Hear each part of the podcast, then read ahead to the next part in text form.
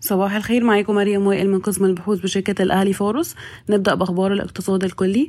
وافق المجلس الأعلى للاستثمار على 22 إجراء. تستهدف جذب المزيد من الاستثمار الأجنبي وتشمل القرارات تخفيض تكلفة تأسيس الشركات والتوسع في إصدار الرخصة الذهبية وتسهيل ملكية الأراضي وتخفيف الأعباء المالية والضريبية على المستثمرين وحوافز لقطاعي النقل والإسكان خاصة في المدن الجديدة. خفض البنك الأوروبي لإعادة الأعمار والتنمية توقعاته للنمو في مصر في العام المالي الحالي إلى 4% بانخفاض فاصلة سبعة في المية عن توقعاته السابقة.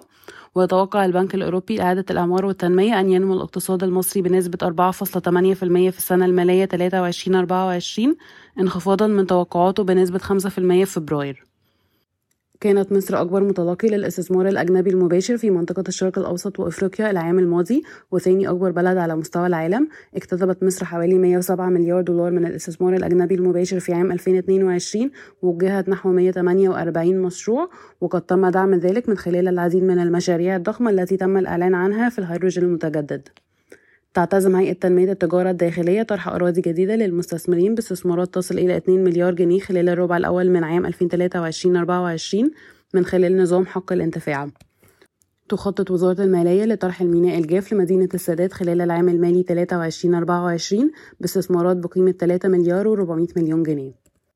ننتقل لأخبار القطاعات والشركات. ارتفع صافي ربح لاسيكو إلى 89 مليون جنيه في الربع الأول من عام 2023 وده ارتفاع 204% على أساس سنوي و136% على أساس ربع سنوي على خلفية ارتفاع الإيرادات بنسبة 36% على أساس سنوي و28% على أساس ربع سنوي.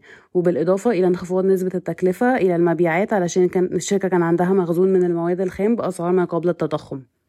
دخلت الشركة المصرية للصوامع والتخزين التابعة لوزارة التموين في تحالف مع كل من سويدي وساماكريد بهدف إنشاء ذراع استثماري يتولى تنفيذ صوامع جديدة بتكلفة استثمارية 200 مليون دولار وزع تخزينية تقترب من مليون طن. شركة توزيع الغاز الطبيعي السعودية أبرمت اتفاقية شراكة مع طاقة عربية التابعة للقلعة لاستكشاف طرق تطوير وتشغيل خدمات نقل الغاز ووقعت الشركتين مذكرة تفاهم لتأسيس شركة في المملكة.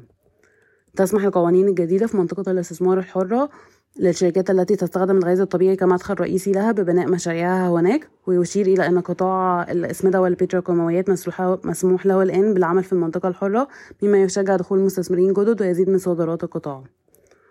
وضعت وكالة موديز عدة بنوك مصرية كده المراجعة لتخفيض تصنيفها بما في ذلك البنك الأهلي وبنك مصر وبنك القاهرة والبنك التجاري الدولي وبنك الإسكندرية. وافق مجلس إدارة أوراسكوم للاستثمار على إعادة هيكلة بعض الشركات التابعة لها في هولندا والبرازيل من خلال نقل الأصول منه إلى شركة تابعة. تشهد الخدمات المالية غير المصرفية نموا قويا مع ارتفاع معدلات الفائدة فمن المتوقع أن يسجل التمويل متناهي الصغر نموا بنسبة 40% على أساس سنوي في عام 2023 وشهد عملاء التمويل الاستهلاكي نموا بنسبة 86% تقريبا خلال الربع الرابع من عام 2022 ولكن التأثير السلبي لأسعار الفائدة الأعلى فبالتالي هوامش ربح أقل وتكلفة أعلى للتمويل. واضح في بعض القطاعات مثل التأجير التمويلي حيث انخفض عدد العقود بنسبة 15% خلال الربع الرابع من عام 2022 وانخفضت عقود التمويل العقاري بنسبة 44% خلال نفس الفترة. سجلت شركة فودافون مصر إيرادات بلغت 10 مليار جنيه و400 مليون في الربع الأول من عام 2023-24 وده ارتفاع 25% تقريبا على أساس سنوي وبيرجع إلى نمو إيرادات البيانات وزيادة عدد العملاء. شكرا ويوم سعيد.